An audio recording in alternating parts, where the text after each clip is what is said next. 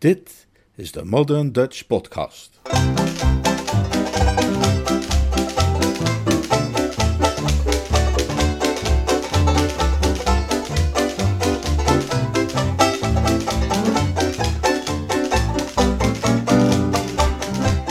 Jeeves en de Liefde. Een roman van P.G. Woodhouse, The Mating Season, vertaald en voorgelezen door Leonard Beuger.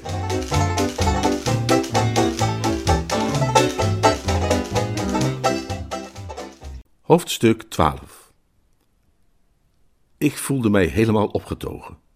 Zij was precies het meisje dat ik wilde spreken. Ik greep haar bij haar arm, zodat zij niet zomaar weer vandoor kon gaan.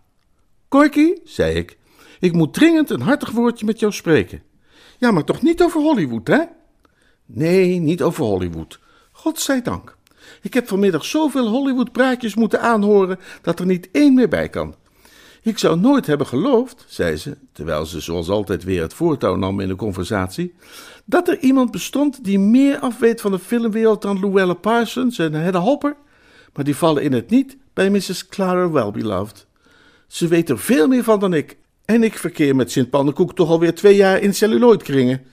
Ze weet precies hoe vaak iedereen gescheiden is en waarom, hoeveel elke film van de laatste twintig jaar heeft opgeleverd en hoeveel gebroeders Warner er zijn. En ze weet zelfs hoe vaak Artie getrouwd is geweest. En dat weet hij zelf waarschijnlijk niet eens. Ze vroeg of ik ook wel eens met Artie getrouwd was geweest. En toen ik nee zei, dacht ze dat ik haar voor de gek hield. Of dat ik het misschien niet had gemerkt. Ik probeerde haar uit te leggen dat als een meisje naar Hollywood gaat, ze niet per se met Artie hoeft te trouwen. Dat het facultatief is. Maar ik geloof niet dat ik haar heb weten te overtuigen. Een heel bijzondere oude dame, maar na een uur of twee toch wel heel vermoeiend ook. Maar zei jij nou dat je me ergens over wilde spreken? Ja, dat zei ik. Oké, waarom doe je dat dan niet? Nou, omdat ik er geen woord tussen kan krijgen. O jee, liep ik te ratelen. Neem me niet kwalijk. Wat heb je op je lever, mijn sprookjesprins? Gussie. Fink Nottel? Precies, Fink Nottel. De braafste man die ik ken. De stomzinnigste man die je kent. Luister, Corky, ik heb net een heel gesprek gehad met Catsmeet. En heeft hij je verteld dat hij verwacht een deze dagen Gertrude Winkworth over te kunnen halen om er met hem vandoor te gaan? Ze vertoonde een stalen glimlach, van het soort dat die vrouwen uit het Oude Testament gehad moeten hebben, die tentnagelen door mensen hun hoofd dreven. Ik kan niet wachten tot ze het doet, zei ze, want ik wil het gezicht van Esmond wel eens zien als hij te horen krijgt dat zijn liefje met een ander er vandoor is. Reken maar dat ik dan zal lachen. Ha, ha, voegde zij aan toe. Dat ha, ha klonk zo precies als het laatste wanhopige gekwaak van een eend die sterft aan een gebroken hart, dat ik er precies uit kon opmaken hoe zij zich voelde. Het bewees dat Catsmeet zich niet had vergist in zijn analyse van haar drijfveren bij de schandelijke misleiding en uitbuiting van Gussie, en er bleef mij geen andere mogelijkheid dan haar zonder enig uitstel van de essentiële informatie te voorzien. Ik tikte haar op de schouder en ging over tot het juiste woord op het juiste moment. Corky, zei ik, je zit er falikant naast. Jij ziet die herder compleet verkeerd. Hij voelt helemaal niets voor Gertrude Winkworth. Het zou hem niet kunnen schelen of hoogstens uit beleefde belangstelling als neef, als stikte ze in een visgaatje. Jij bent het enige richtpunt in zijn leven. Wat? Ik heb het uit zijn eigen mond. Hij was op dat moment een tikje aangeschoten, maar dat maakt het alleen maar overtuigender, want in vino, uh, je weet wel. Haar ogen begonnen te fonkelen en ze moest even slikken. Dus hij zei dat ik het enige richtpunt was in zijn leven? Dat jij het enige richtpunt in zijn leven bleef, om precies te zijn. Let wel, Gussie, zei hij, terwijl hij zich nog een glas port inschonk, waarvan hij al meer dan genoeg gedronken had. Al heeft ze mij dan de bons gegeven, ze blijft het enig richtpunt in mijn leven. Bertie, als jij mij voor de gek houdt. Nee, natuurlijk houd ik je niet voor de gek. Dat hoop ik dan maar voor jou, want als het wel zo is, zal ik de vloek van de Purbrides over je uitspreken. En dat is allerminst een vloek om mee te spotten. Vertel me eens iets meer over. Ik vertelde haar er meer over. Sterker nog, ik vertelde haar alles. En toen ik uitverteld was, lachte ze als een jakhals, terwijl er tevens, want vrouwen zijn nu eenmaal nooit te begrijpen, wat tranen langs haar wangen parelden. Is dat nou niet precies iets voor hem om te bedenken, de lieverd? Zei ze over het snurgere idee dat Esmond Haddock ontleend had aan een film in de bioscoop van Basingstoke. Wat een lief, wollig lammetje is die man toch? Ik weet niet of lief, wollig lammetje nu precies de term is waarmee ik zelf Esmond Haddock zou hebben willen beschrijven, maar dat liet ik passeren, want het ging mij verder niet aan. Als zij ervoor koos om een kerel met een borstomvang van 1,63 meter en spieren als bundels kronkelende slangen te beschouwen als een liefwollig lammetje, dan moest zij dat zelf weten. Mijn taak was het om iets wat ik correct in gang had gezet ook verder in de goede richting te sturen. Onder de omstandigheden, zei ik, zul je misschien het advies kunnen waarderen van een man van de wereld die enige ervaring heeft in dit soort dingen Catsmeet heeft uitstekende resultaten behaald aan het Gertrude-front door zijn ziel uit te storten op papier. En als ik jou een goede raad mag geven, dan doe jij precies hetzelfde. Schrijf Esmond Haddock een beleefd briefje dat je hem graag eens zou zien en hij verbreekt onmiddellijk het wereldrecord hardlopen naar de pastorie om je in zijn armen te kunnen sluiten. Hij wacht alleen maar op het groene licht. Zij schudde haar hoofd. Nee, zei ze. Waarom niet? Dan zouden we geen stap verder gekomen zijn. Ik begreep uiteraard waar ze heen wilde. Ja, ik, ik, weet wat jou dwars zit. Jij verlangt nog steeds een burgerlijke ongehoorzaamheid van hem met betrekking tot zijn tantes. Nou, ik kan je verzekeren dat ook daarin binnenkort voorzien zal kunnen worden. Luister. Esmond Haddock zingt op het dorpsconcert een jagerslied op tekst van zijn tante Charlotte en met muziek van zijn tante Myrtle. Correct? Ja, dat klopt. Stel nu dat genoemd jagerslied een doorslaand succes wordt op dat concert, een absolute hit. En in enkele welgekozen woorden zette ik Jeeves' theorie op dat punt uiteen. begrijp je de opzet? ronde ik mijn verhaal af.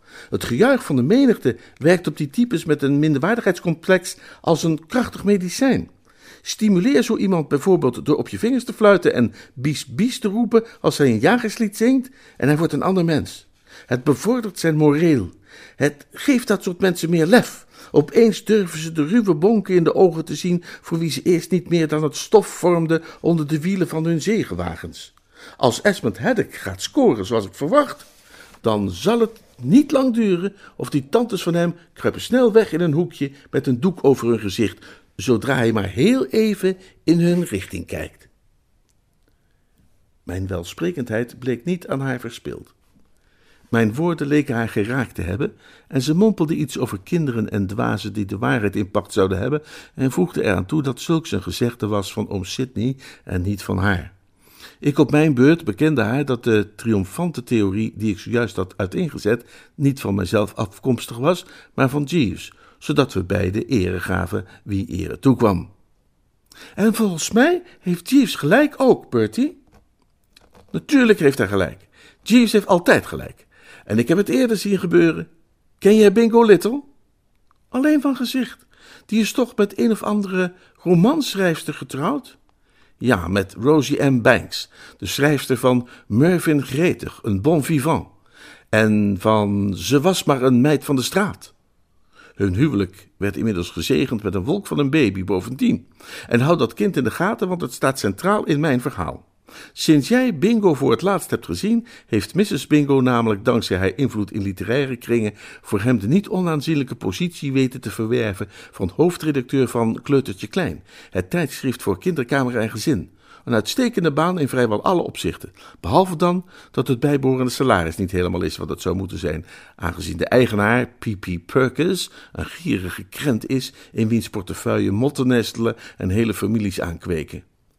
Bingo probeerde dus eindeloos en met de regelmaat van de klok die oude vrek tot een loonsverhoging te bewegen. Tot zover duidelijk? Helemaal. Iedere week opnieuw sloop Bingo op zijn tenen het kantoor van Pipi Perkins binnen en formuleerde half verontschuldigende zinnen die begonnen met: Och, meneer Perkins, ik vroeg me af of u misschien. of. Uh, Ach, meneer Perkins, zou u wellicht de mogelijkheid zien om. Uh, waarop de naarling hem alleen maar met een koele vissenblik aanstaarde en iets mompelde over geldschaarste en de voortdurend stijgende prijzen van papier en andere drukkerijgrondstoffen. En dan zei Bingo iets van: Ach, natuurlijk, meneer Perkins, of uiteraard, meneer Perkins, ik begrijp het. En dan sloop hij weer op zijn tenen weg. Tot zover het eerste bedrijf. Maar let op het vervolg.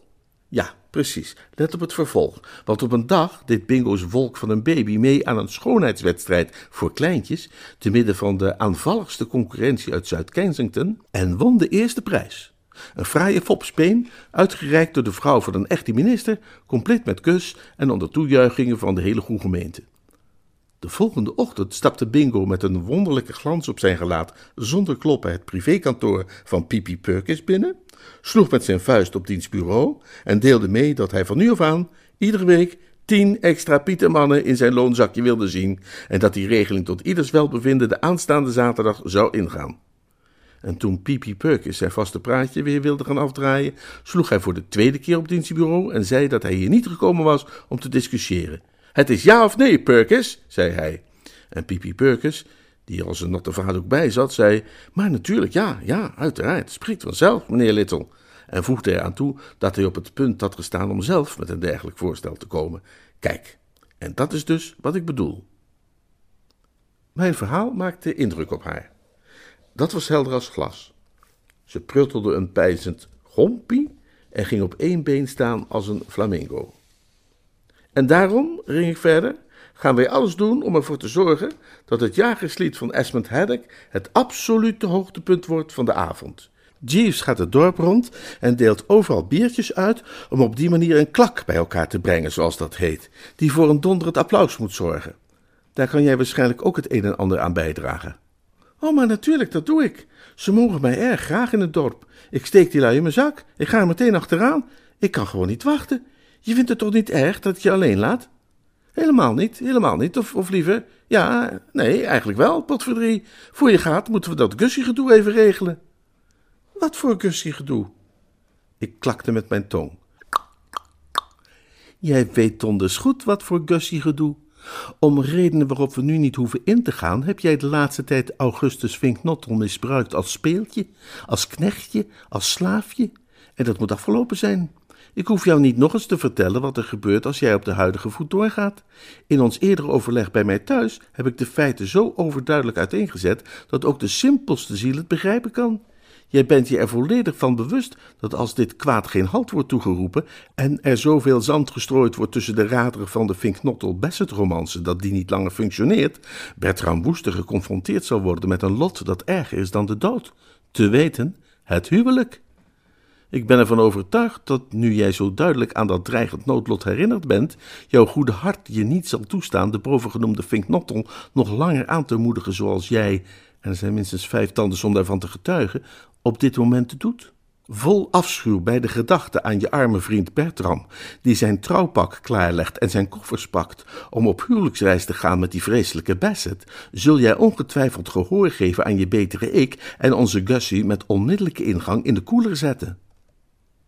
Ze snapte waar ik heen wilde. Uh, je bedoelt dat ik Gussie weer terug in circulatie moet brengen? Precies. De betovering verbreken, hem uit mijn klauwen loslaten? Correct. Oh, maar natuurlijk. Ik zal er onmiddellijk voor zorg dragen. En met die uiterst bevredigende afspraak gingen wij uiteen. Een enorm gewicht viel van mijn schouders. Nu weet ik niet wat uw ervaring daarmee is, maar naar mijn ondervinding blijven de schouders in zo'n geval helaas nooit erg lang onbelast. Als er zo'n gewicht van is afgevallen, zul je altijd zien dat er meteen weer een nieuw wordt opgeladen, dat doorgaans ook een stuk zwaarder is. Het is het soort spel dat je nooit kunt winnen. Ik was nog maar nauwelijks terug in mijn kamer, gerustgesteld en ontspannen, of daar kwam Catsmeet alweer binnengestormd en zijn hele uiterlijk deed mij al het ergste vrezen. Het was alsof ik een klap in mijn gezicht kreeg met een natte handdoek. Zijn ogen stonden ernstig en zijn houding was niet de luchtige en vergenoegde houding van een man die zojuist een gezellig spelletje kaart heeft gespeeld met een kamermeisje. Bertie, zei hij, hou je vast. Nu wordt de situatie pas echt ernstig. De vloer leek onder mijn voeten te golven, als de zee in een theaterdecor, en de maagmuizen, die sinds ons slimme briefplan en mijn gesprek met Corky een rustpauze hadden ingelast, hervatten hun activiteiten alsof ze in training waren voor een belangrijk sportevenement. Oh nee, mijn lieve tante, kreunde ik, en Catsmeet zei dat ik daar de juiste weeklacht slaakte, want dat het inderdaad mijn tante was die de grootste ellende veroorzaakte. Luister en huiver, zei hij. Toen ik daarnet in de bediendenkamer was, kwam Silversmith binnen. En weet je wat hij gehoord had van de meisjes boven? Dat jouw tante Agatha hierheen komt. Ik weet niet precies wanneer, maar het is vandaag of morgen. Vrouwe Daphne Winkworth had een brief van haar gekregen en daarin schreef ze dat ze binnenkort vrolijk kwam meekakelen in dit zakkenskippenhok. Wat moeten we nu?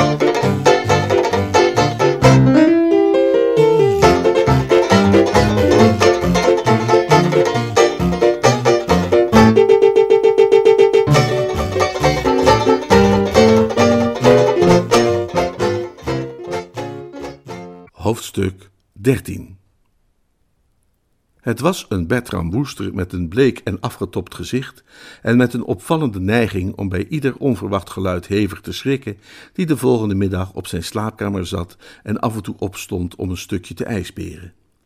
Weinigen zouden in dit treurig stuk menselijk wrakhout de vlotte, vrolijke levensgenieter uit gelukkiger tijden hebben herkend. Ik wacht op Catsmeets terugkeer uit de metropolis, dodelijk benieuwd naar zijn verslag.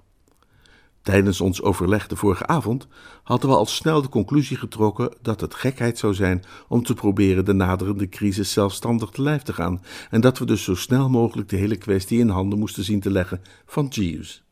En daar Jeeves in Londen was en het een vreemde figuur geweest zou zijn als ik zomaar een hele nacht uit Deverill Hall was verdwenen, was Catsmeet richting hoofdstad getogen om ruggespraak met hem te houden. Hij was er stilletjes in mijn toesieter tussenuit geknepen en het was de bedoeling dat hij rond lunchtijd weer terug zou zijn. Maar het was lunchtijd geworden en die was ook weer voorbij gegaan. En terwijl de eend met groene ertjes mij steeds zwaarder op de maag begon te liggen, was het nog steeds geen taal of teken van Catsmeet. Het was al over drieën toen hij eindelijk kwam opdagen. Toen ik hem zag, sprong mijn hart op, wierp zijn zorgenlast aan de kant en maakte een snel ritmisch dansje. Iemand die er zozeer uitzag als een peloton reddende mariniers, kon volgens mij niet anders zijn dan de brenger van goed nieuws. Toen ik hem voor de laatste keer had gezien, bij zijn vertrek richting Metropool, was zijn houding somber en ernstig geweest, alsof hij vreesde dat zelfs Jeeves niet tegen deze klus zou zijn opgewassen. Nu echter oogde hij goed gemutst, tierig en van hupsakidee. Sorry dat ik zo laat ben, zei hij. Het duurde even voordat Jeeves' brein goed op toeren was gekomen. Hij kwam wat langzamer op gang dan gewoonlijk. Maar hij kwam eruit? riep ik huiverend uit. Oh ja, natuurlijk kwam hij eruit. Jeeves komt er altijd uit. Alleen leek hij deze keer een eeuwigheid te moeten nadenken. Ik vond hem in de keuken van jullie appartement, waar hij een kopje thee zat te drinken en Spinoza te lezen. Ik legde hem ons probleem voor en vroeg hem de kleine grijze celletjes onmiddellijk in werking te zetten en iets te bedenken waardoor die duivelse tante van jou kon worden weerhouden van haar heilloze plan Deverill Hall te komen investeren. Dat beloofde hij te doen en ik trok mij zo lang terug in de woonkamer, waar ik in een luie stoel met mijn voeten op de schoorsteenmantel aan Gertrude ging zitten denken. Af en toe stond ik even op om een blik in de keuken te werpen en te vragen of hij al opschoot, maar dan wuifde hij mij weg met een stil gebaar van zijn hand en zette zijn brein nog een tandje hoger. Uiteindelijk kwam hij tevoorschijn en verkondigde dat hij eruit was. Hij was, zoals altijd, zei hij, uitgegaan van de persoonlijkheidspsychologie. Van welke persoonlijkheid? Die van mijn tante Agatha?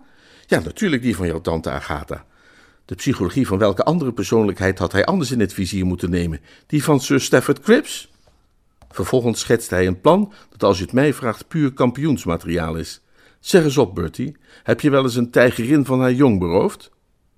Ik zei dat ik dat om de een of andere reden nog nooit gedaan had, waarop hij mij vroeg wat ik verwachtte dat als ik dat toch eens deed, de reacties van die tijgerin zouden zijn. Aangenomen dat het een tijgerin was die gezien kon worden als een goede huisvrouw en moeder. Mij leek, zei ik, hoewel ik mijzelf niet zag als een autoriteit op het gebied van tijgerinnen, dat zij er zwaar de smoor in zou hebben. Precies. En je zou verwachten dat het dier, zodra ze de verdwijning van haar jong opmerkte, al het andere zou laten vallen en het welpje zou gaan zoeken. Ja, toch? Allerlei andere sociale verplichtingen zouden daarvoor moeten vervallen, dacht je ook niet? Als zij bijvoorbeeld afgesproken had om een andere tijgerin in een nabijgelegen grot een bezoek te brengen, zou dat meteen worden uitgesteld of zelfs helemaal afgeblazen. Mee eens? Ja, zei ik, dat leek me heel waarschijnlijk. Juist. En Jeeves denkt dat precies hetzelfde zal gebeuren in het geval dat jouw tante Agatha te horen krijgt dat haar zoontje Thomas verdwenen is van zijn school in Bramley aan Zee. Ik kan je zo uit de losse pols niet vertellen wat ik had verwacht, maar dit was het zeker niet. Nadat ik weer voldoende adem had weten te halen om de vraag te kunnen stellen, vroeg ik hem om nog eens te zeggen wat hij zojuist had geopperd, waarop hij zijn woorden op dicteersnelheid herhaalde. Maar zakkerju, zei ik, je gaat me toch niet vertellen dat Jeeves van plan is mijn neefje Tos te kidnappen? Nee, nee, nee, nee, nee, nee, nee. Doorgewinterde fans als jouw neefje Thomas hoef je helemaal niet te kidnappen. Die hoef je alleen maar te laten weten dat hun favoriete filmster het leuk zou vinden als ze een paar dagjes zouden willen komen doorbrengen op de pastorie waar zij verblijft. Dat is de boodschap die Jeeves is gaan afleveren in Bramley aan Zee en waarvan ik verwacht dat het zal gaan werken als een toverspreuk. bedoel je dat hij van school zal weglopen? Ja, natuurlijk gaat hij van school weglopen, als de bliksem. Maar voor extra zekerheid heb ik Jeeves namens jou gemachtigd om hem vijf pond te bieden om hem indien nodig over de streep te halen. Ik begreep van Jeeves dat dat neefje Thomas op dit moment sterk om contant te verlegen zit. Hij is aan het sparen voor een camera. Ik ondersteunde het slimme plan, maar had niet het idee dat steekpenningen noodzakelijk zouden zijn. Tos is een knaap die geleid wordt door vulkanische passies, die zijn laatste stuiver zou besteden aan een postzegel op een brief aan Dorothy Lamour om haar handtekening te vragen. En de boodschap die Catsmeet voor mij had uitgespeld, leek mij op zichzelf ruimschoots toereikend om hem in beweging te krijgen. Ja, stemde Catsmeet met me in. Ik denk dat we het knaapje binnenkort in ons midden zullen hebben. En dus niet jouw tante Agatha die elders bezig zal zijn. Het is natuurlijk spijtig dat ze tijdelijk van haar jong zal moeten worden gescheiden en men kan medelijden hebben met haar moederlijke ongerustheid. Het zou fijn geweest zijn als het op een andere manier geregeld had kunnen worden, maar zo gaan die dingen nu eenmaal. Men moet zich eenvoudig realiseren dat er in ieders leven nu eenmaal wel eens een donkere wolk overtrekt. Mijn persoonlijke veronderstelling was dat tante Agatha waarschijnlijk niet zozeer ongerust zou zijn als wel laaiend kwaad. Tos, zei ik, is nogal een recidivist op dit gebied. Hij is al twee keer eerder van school weggelopen.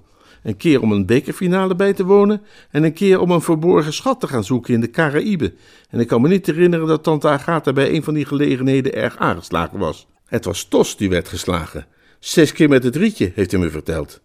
Ik kan me voorstellen dat het deze keer precies zo zal gaan. En als hij deze taak puur als liefdewerk op zich wil nemen, zal ik hem dat briefje van vijf achteraf toch nog wel toestoppen. Nou, dat zou bijzonder genereus van je zijn. Ach ja, maar wat is geld? Je kunt het uiteindelijk niet meenemen.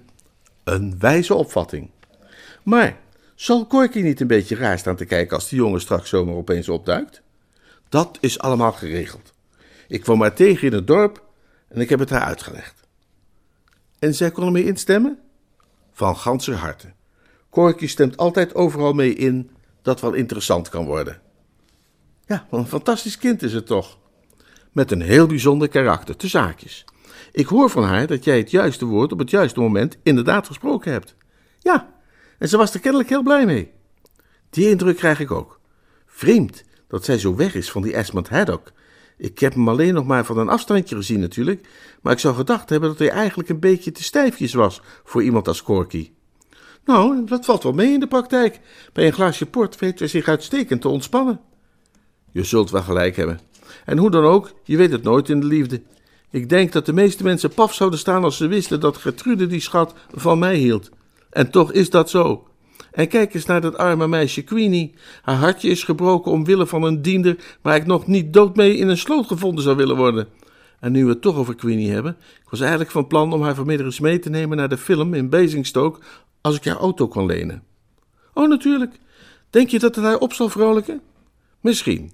En als ik de wond voor haar een beetje zou kunnen verzachten, zou ik dat graag doen. Het is wonderlijk. Als je verliefd bent, wil je meteen vriendelijk zijn voor iedereen en goede daden doen.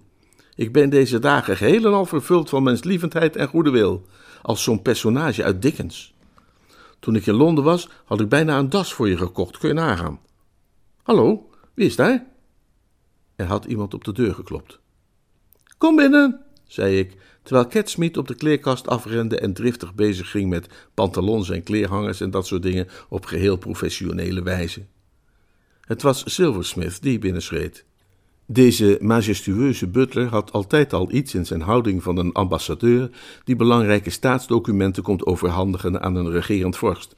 Maar deze keer werd die indruk nog versterkt door het feit dat hij een zilveren dienblad voor zijn notabele embonpoint uitdroeg met daarop enkele telegrammen. Ik nam die van hem aan en hij manoeuvreerde de kamer weer uit. Catsmeet hing de pantalons terug. Hij rilde nog wat na. Wat voor effect heeft die kerel op jou, Bertie? vroeg hij met een wat heese, gedempte stem, alsof hij fluisterde in een kathedraal. Op mij, op mij werkt hij verlammend. Ik weet niet of jij het oeuvre van Jozef Conrad kent, maar er komt een personage voor in zijn Lord Jim, waarvan hij zegt: ook al was men de keizer van Oost en West, in zijn aanwezigheid was het onmogelijk de eigen nietigheid te ontkennen. Nou, dat is helemaal Silversmith. Hij vervult mij met een angstwekkende nederigheid. Hij, hij doet mijn onsterfelijke ziel krimpen tot het formaat van een gedroogde echt. Hij is de levende verbeelding van sommige van die ouderwetse professionals van het theater die het mij zo moeilijk gemaakt hebben toen ik voor het eerst aan het toneel kwam. Maar goed, ga verder. Maak open. Bedoel je deze telegrammen? Ja, wat dacht je dan dat ik bedoelde? Maar, maar die zijn aan Gussie geadresseerd. Ja, natuurlijk zijn die aan Gussie geadresseerd, maar ze zijn bestemd voor jou. Dat weten we niet zeker. Ja, dat moet wel. Eén is er waarschijnlijk afkomstig van Jeeves om je te laten weten dat het spel op de wagen is. Maar het andere, dat zijn waarschijnlijk voor vijf poplieve woordjes van Madeline. Ah, kom op. Ik bleef standvastig. Nee, Catsmith, de erecode van de Woesters weerhoudt mij. De erecode van de Woesters is strikter dan die van de Catsmiths. Een woester kan niet zomaar een telegram openmaken dat aan iemand anders gericht is. Zelfs niet als hij tijdelijk die ander is, als u begrijpt wat ik bedoel. Ik zal ze moeten doorgeven aan Gussie. Oké, als jij dat zo ziet. Ik ga er dan nu vandoor om te proberen toch nog iets van een zonnetje te laten schijnen in Queenie's leven. Hij liep de deur uit. Ik ging zitten en bleef trouw aan mijn principes. Het was op dat moment kwart voor vier. Tot ongeveer vijf voor vier wist ik inderdaad strikt trouw te blijven aan mijn principes. Het probleem met die erecode van de Woesters is dat als je die nader gaat beschouwen met een paar telegrammen voor je neus, waarvan er één gegarandeerd een bericht bevat van vitaal belang, je na een tijdje je toch begint af te vragen of die erecode bij nader inzien wel echt zo geweldig is. Ik wil maar zeggen, je wordt op een bepaald moment toch bekropen door de gedachte dat de woesters wel eens heel onnozel zouden kunnen zijn door zich te laten leiden door die erecode. Tegen vieren was ik al lang zo principieel niet meer als tevoren. En om tien over vier jeukten mijn vingers onmiskenbaar. Het was om precies kwart over vier dat ik het eerste telegram openmaakte. Zoals Catsmeet al had voorspeld, was het een zorgvuldig geformuleerd bericht van Jeeves, verzonden te Bramley aan Zee en ondertekend met Bodgers Warenhuis. Hij meldde onder bedekte termen dat alles volgens plan verlopen was. De goederen, meldde hij, waren onderweg en zouden in de loop van de avond met een neutrale bestelwagen worden afgeleverd. Uiterst bevredigend. Ik hield een lucifer bij het formulier en verbrandde het tot as, want men kan niet voorzichtig genoeg zijn. Ik merkte echter toen ik naar de andere enveloppen keek dat mijn vingers nog altijd jeukten. Ik greep een beet en frunnikte er bedachtzaam aan. Ik kan wel raden wat u nu wilt gaan zeggen. U wilt gaan zeggen dat nu ik dat eerste telegram opengemaakt en gelezen had, er geen enkele reden meer was om ook dat andere open te maken. En daar heeft u volkomen gelijk in. Maar u weet hoe het is. Vraag het de eerste de beste jonge leeuw die u tegenkomt, en die zal u zeggen dat als men eenmaal bloed heeft geproefd, er geen houden meer aan is. En het is precies hetzelfde met het openmaken van telegrammen. Mijn geweten fluisterde me in dat dit exemplaar geadresseerd en bedoeld was voor Gussie en alleen bestemd voor diens ogen. En daar was ik het volledig mee eens. Maar ik kon me er niet van weerhouden het ding open te maken, zo min als men er zich van kan weerhouden toch nog een zoute amandel te nemen. Ik scheurde de enveloppe open en een vluchtige blos van schaamte kleurde mijn kaken toen ik de ondertekening Madeline ontwaarde. Vervolgens werd mijn oog gegrepen door de rest van de rampzalige tekst. Die luidde: Finknottle, Deverill Hall, Kings Deverill, Hampshire. Brief ontvangen. Onbegrijpelijk waarom geen geruststellend telegram gekregen. Ernst van ongeluk kennelijk voor mij verborgen. Doodongerust. Vrees ergste. Arriveer Deverill Hall morgenmiddag. Liefs, kussen, Madeline. Masculine women and feminine man, which is the rooster and which is the hen? It's hard to tell them for today. Let's say, sister is busy learning to shave, brother just lost his permanent way. It's not to tell them for today. Hey hey, girls were girls and boys were boys when I was a tot. Now we don't know who is who or even what is what.